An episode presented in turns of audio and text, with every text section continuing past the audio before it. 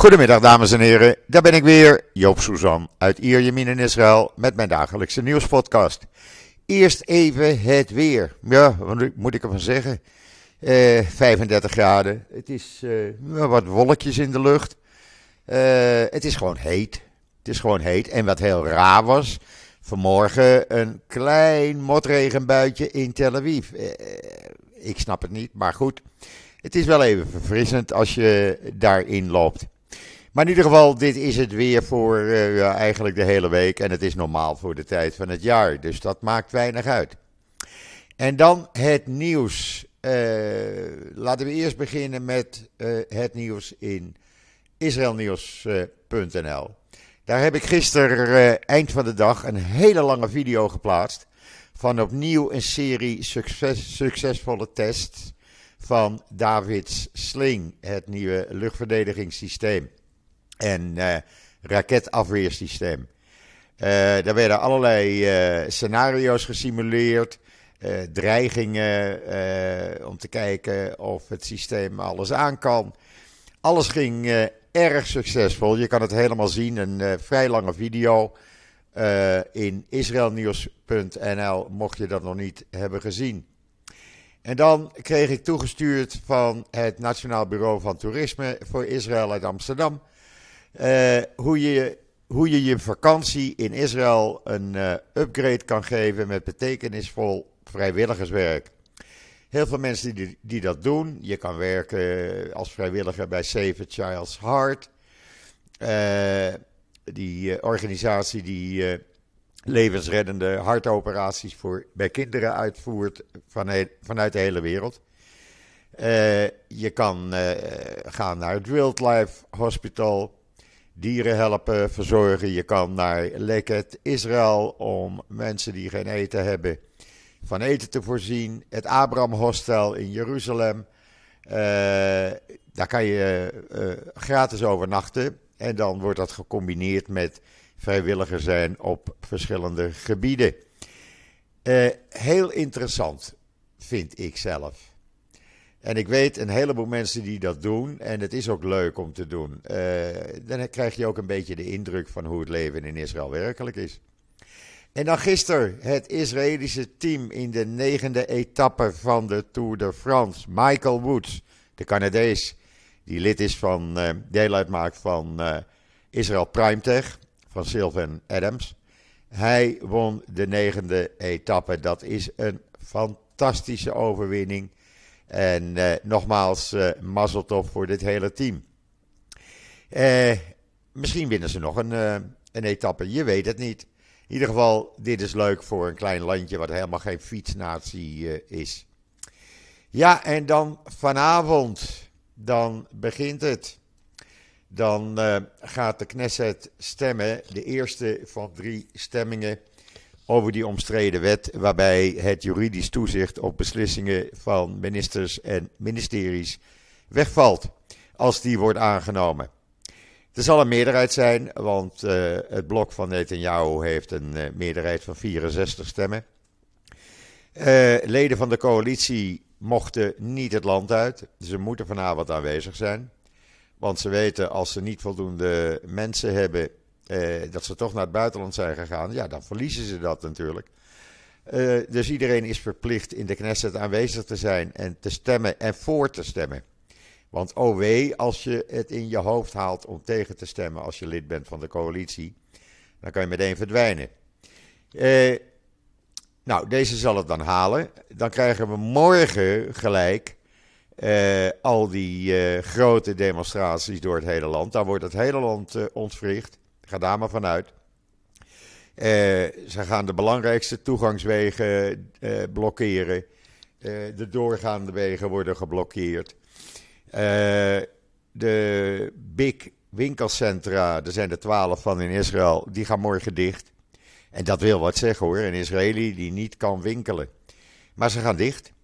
er zullen nog meer winkelcentra waarschijnlijk dicht gaan. In ieder geval, morgen is het leven in Israël totaal ontwricht. En ja, het lijkt dat de regering daar weinig om geeft.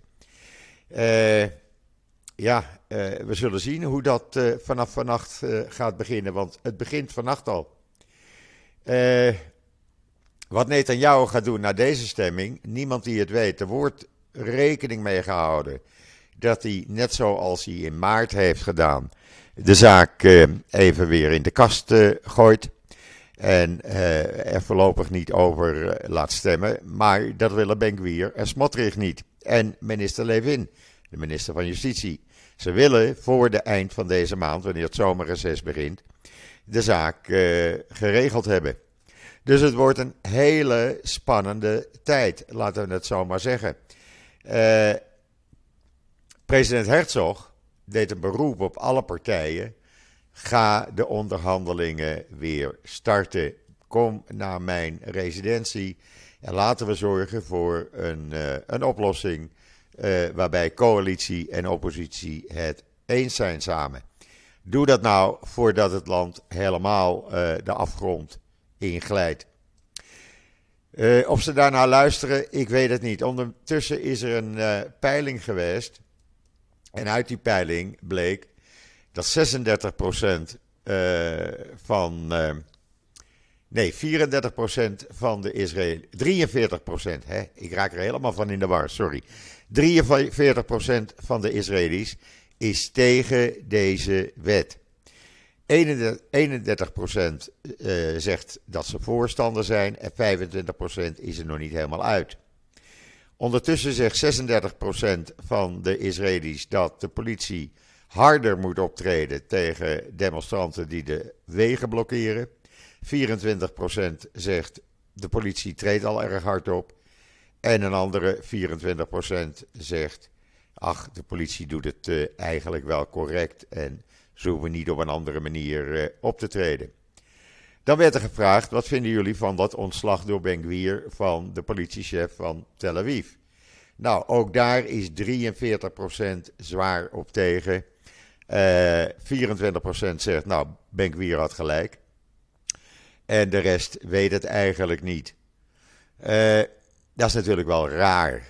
Uh, dat er eigenlijk een meerderheid is die het niet eens is, zowel met die wet als met wat Benkwier heeft gedaan. Maar goed, het blijkt ook dat uit een nieuwe peiling, die ook gisteravond door de publieke omroep Kan werd gepubliceerd, Benny Gans de meerderheid heeft, het grootste aantal stemmen krijgt, 29, de Likud krijgt er 28.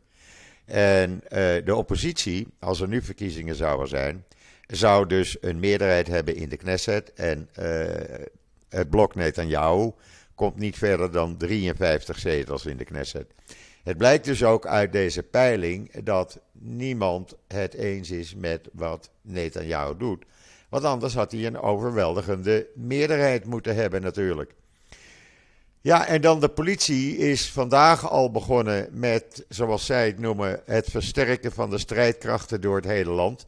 Vanwege die dag van ontwrichting die morgen gaat uh, beginnen. En uh, verwacht wordt dat de politie gaat uitvoeren wat Benguier wil. En dat is keihard optreden, mensen in elkaar slaan uh, en er gewoon op, op losrammen. ja, als dat gaat gebeuren, sorry, ook mensen die gewoon demonstreren, je hebt het recht van demonstratie. Dan zou ik zeggen, iedereen mag demonstreren, want je hebt dat recht als burger. Dat is in elk land zo. Dat je wegen blokkeert, ja, dat is een andere zaak. En als dat te veel uh, ontwrichting geeft, ja. Uh, ik ben het er niet helemaal mee eens, maar ik kan me voorstellen dat er weinig andere middelen overblijven. Of je moet geweld gaan gebruiken en dat wil men niet. Eh, ondertussen heeft de Likud aanklachten tegen eh, eh, Ehud Barak ingediend. Want ze willen dat Barak de cel in verdwijnt. Omdat hij oproept voor geweldloze burgeropstand. Ja, eh, het blijkt een beetje wat er hier aan de gang is. Hoe het land uh, eigenlijk in een soort tweestrijd uh, komt. En dat de regering doet wat de, de bevolking gewoon niet wil. Maar we gaan het zien. Ik hoop alleen niet dat ze het vliegveld weer gaan blokkeren. Want het is de enige in- en uitgang naar het buitenland die we hebben in Israël. En ik vind dat een beetje te rigoureus. Of je moet dat voor een, uh, laten we zeggen, 10 minuten doen. Maar uh, ja, om het vliegveld uh, te blokkeren. Maar goed, het wordt morgen in ieder geval chaos in Israël. Ja, en dan verschijnen er natuurlijk allerlei opinies uh, van mensen. Eentje die ik hoog heb zitten, Jossi Verter. Die volg ik al jaren. En die zegt: het wordt een zomernachtmerrie voor Israël en de Israëlische regering. De aanval op de hoogste poortwachters van Israël maakt dat de overgrote meerderheid van het publiek tegen de gerechtelijke staatsgreep is, zoals hij het noemt. En het publiek alleen maar angstiger wordt. En eh, ja, dat Netanyahu waarschijnlijk die eh, procureur-generaal gaat ontslaan, omdat ze eh, zegt juridisch kan het niet wat jullie aan het doen zijn, om de demonstraties in te perken. Uh, iedereen heeft het recht om te demonstreren. En je kan niet demonstraties zomaar gaan verbieden. Uh, daar is Netanyahu het niet mee eens. Althans, hij voert uit wat Ben-Gvir en Smotrich hem vertellen. Maar ja, het is, was gisteren wel een vernedering, moet ik zeggen. Want ze werd, de procureur-generaal werd behoorlijk vernederd en geïntimideerd tijdens die kabinetsvergadering. Waarbij haar hele top aanwezig was. En ook dat is uitzonderlijk. Je kan het wel doen met een beetje respect en fatsoen voor elkaar, maar dat is gewoon weg. Dat is niet te vinden gisteren in die kabinetsvergadering. Uh, er werd geschreeuwd tegen haar. De grofste beledigingen werden haar richting uitge, uitgebracht. En uh, ja, men doet eigenlijk waar ze zin in hebben. En ik vind, uh, het gaat een beetje te veel. Maar goed, uh, we zullen zien wat er gaat gebeuren. Ondertussen zegt de Likud: wij willen helemaal niet die procureur-generaal ontslaan.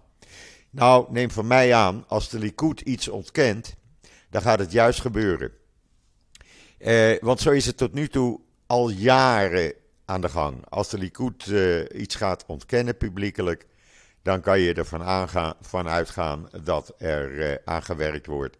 En dan komen we met een andere smoes om deze uitstekende procureur-generaal, die nota bene uh, door Netanyahu zelf voorgedragen is, dat die zal worden ontslagen en er iemand zal worden benoemd die wel het beleid van Netanyahu uitvoert, ondanks als het dat het juridisch niet door de beugel kan. Eh ja, we zullen zien wat het gaat worden. Het is in ieder geval, uh, zoals jullie wel begrijpen inmiddels uit mijn uh, berichten, dat het hier chaos is. Klaar. Men vindt het ook niet leuk als ministers dat er in de buurt van hun woningen wordt gedemonstreerd. Nou ja, dan zeg ik sorry. Je wil zelf minister worden. Je gaat een beleid uitvoeren waar een groot gedeelte van de bevolking niet mee eens is. Ja, dan wordt er gedemonstreerd en men heeft het recht om dat te doen. En uh, dat zei de procureur-generaal dus ook. En je kan niet zomaar uh, demonstraties bij het huis van een minister verbieden, omdat hij niet van die demonstraties houdt. Kan je allemaal lezen in Times of Israel en andere Engelstalige kranten.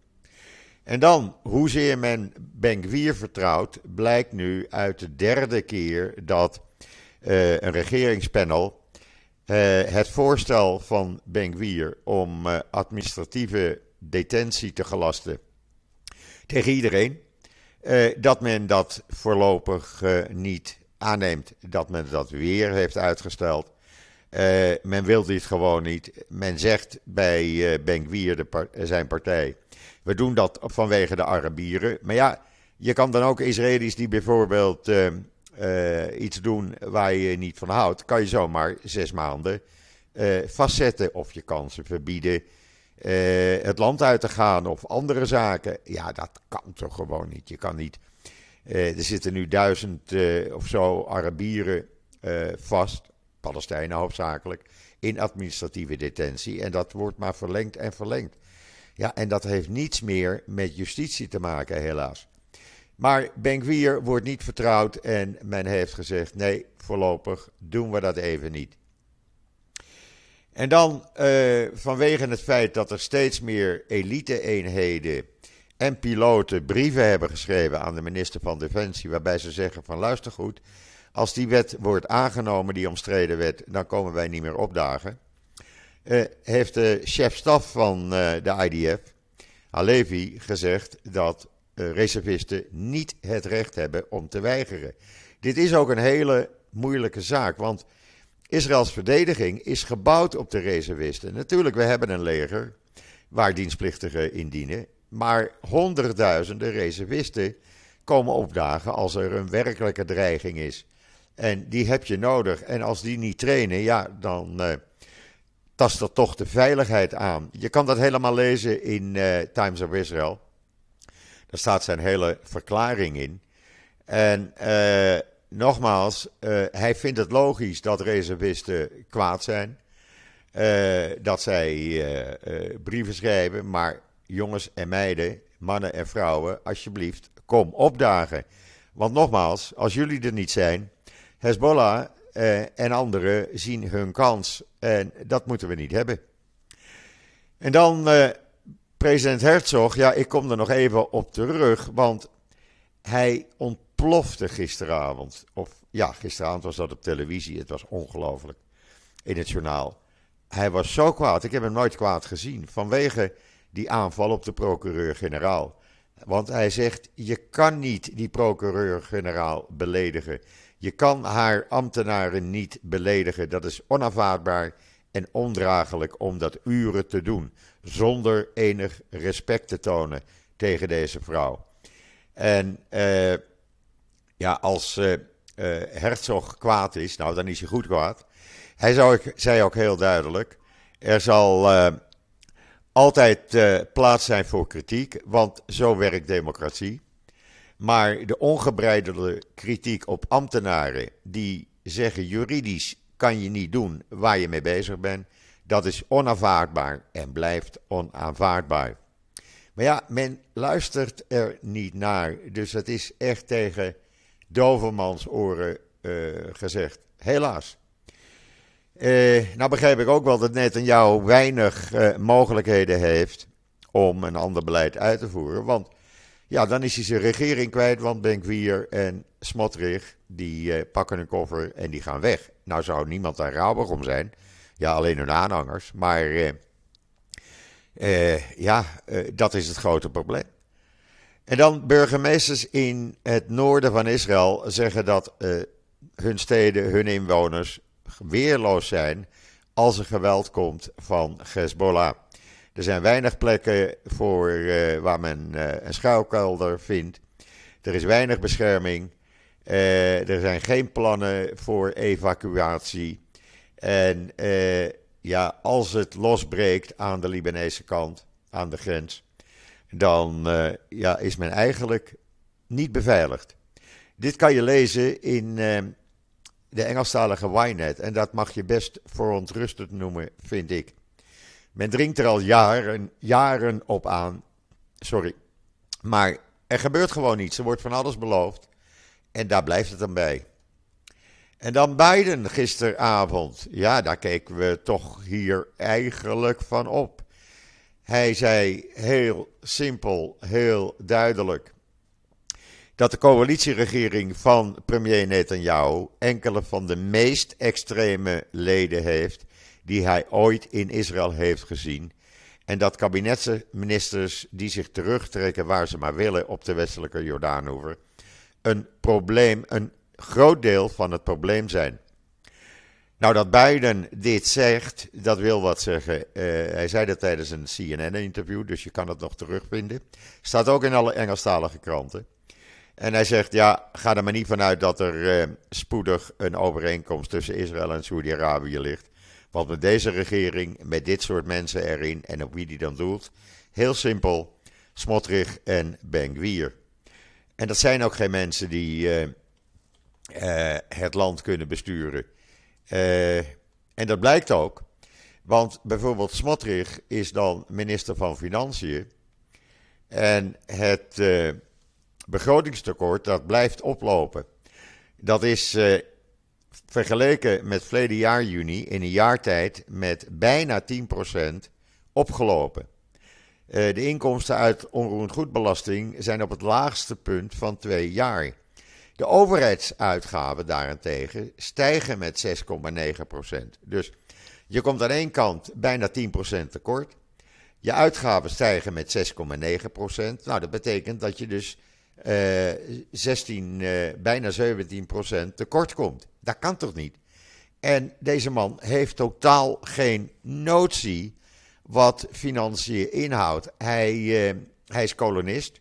Nou is daar niets op tegen, dat moet hij zelf weten. Hij is niet in dienst geweest. Ja, hij heeft drie weken op kantoor gezeten. Toen hebben ze hem eruit getrapt. Hij heeft in de gevangenis gezeten wegens aanvallen op Palestijnen. En hij leidt de kolonisten en financiën. Ik denk dat hij nog nooit geleerd heeft hoeveel 1 en 1 is, want hij heeft er totaal geen verstand van. Ja, het enige goede wat hij heeft gedaan, en daar hoopt hij vertrouwen mee te krijgen. Hij heeft het, uh, de belastingverlaging met nog een maand op de benzine uh, door laten gaan. Maar goed, dat gaat dan op een gegeven ogenblik dubbel omhoog. Want als je tekort komt, dan moet je ergens geld uit hebben. Kan je lezen in Globes. En je kan het lezen in Times of Israel. En dan, met uitzondering van Ben en Smotrich. Ja, ik kan er ook niks aan doen, maar het is nu eenmaal zo. Heeft het uh, Israëlische Veiligheidskabinet gestemd, voorgestemd voor economische maatregelen om de economie van de Palestijnse autoriteit te helpen. Want als de economie omhoog gaat, dan hebben de mensen werk, dan denken ze minder aan terreur. Dat zou best eens kunnen. Dan win je ook het vertrouwen weer. En ik vind dat een goed idee. Eh, zorg dat de mensen te eten en te drinken hebben en dat ze werk hebben. En als je dat kan doen door die economie een handje te helpen. Er zijn genoeg Israëlische bedrijven die uh, Palestijnen uh, al laten werken. Er werken 130.000 legaal in Israël. Elke dag. Dan kunnen er nog wel enkele tienduizenden werk krijgen. Dus doe dat maar, dat is heel goed. En dat Benkwier en Smotrich dat niet willen, nou ja, dat was te verwachten. Uh, dus daar kijkt niemand eigenlijk van op, laat ik het zo zeggen. en dan, ja, wat hebben we nog meer? Nou, een mooi verhaal in Ynet. Er was slechts één vrouwelijke soldaat die vocht in de operatie in Jenin verleden week, Eden Yadid. Zij was een hospik, zij, werkte, uh, zij uh, vocht samen met uh, de soldaten. Ze sliep bij, hem, bij ze op de grond. ze ging uit op missies. het was haar laatste job eigenlijk, want haar ontslag uit de dienstplicht stond al vast. En nadat Janine geëindigd was, wat deed ze? Ze pakte haar koffer, die stond al klaar. Die hadden haar ouders ingepakt en ze ging lekker op vakantie naar Rodos. Heel leuk. Ik vond dat wel een verhaaltje wat even genoemd mag worden. En uh, ze hebben een uitstekende job gedaan en die uh, vakantie in Rodos is haar gegund. En de president Herzog, ja, hij is nou eenmaal actief en dan ben je veel in het nieuws die uh, ging behoorlijk tekeer over die toenemende aanvallen door orthodoxe Joden op christenen in Israël. Hij vindt het een schande, en dat ben ik met hem eens. En hij zegt dat is slecht voor het imago van Israël. En uh, dat moet stoppen. Klaar. Dat is nooit voorgekomen. En waarom zou dat nu opeens door uh, orthodoxe Joden gebeuren? Hebben ze niks anders te doen? Uh, je gaat niet spugen op graven, je gaat niet spugen naar christenen. Dat doe je niet. En dat moet stoppen. Het was een behoorlijke uithaal wat hij deed. Je kan het lezen in Times of Israel. En dan was er een Israëlische dokter die werd gepakt op het vliegveld. Die stond op het punt het vliegtuig te nemen. Een arts van 60 jaar uit uh, uh. En die dacht, weet je wat, laat ik 5000 kogels meenemen. Die kunnen ze in Georgia wel gebruiken. Dus daar kan ik een leuke winst mee maken. Maar ja, toen werd hij gepakt op het vliegveld en zit hij voorlopig even vast. Eh, het was nog een bekende dokter ook. Hij uh, werkte namelijk in het uh, Edith Wolfson Medical Center in Golon. hij werd in de gaten gehouden. Hij zit nu vast. Lees het in de Engelstalige Ynet. En dan, ja, nooit was hier de elektrische auto populair. Je hebt ook geen uh, laadpalen zoals je die in Nederland overal hebt. Ja, bij benzinestations. En je kan het uh, op het parkeerterrein bij je huis krijgen als je dat zou willen. Maar dat gebeurt niet vaak. Uh, maar de verkoop van elektrische auto's die in het eerste half jaar overtreft al de verkoop van het hele jaar 2022.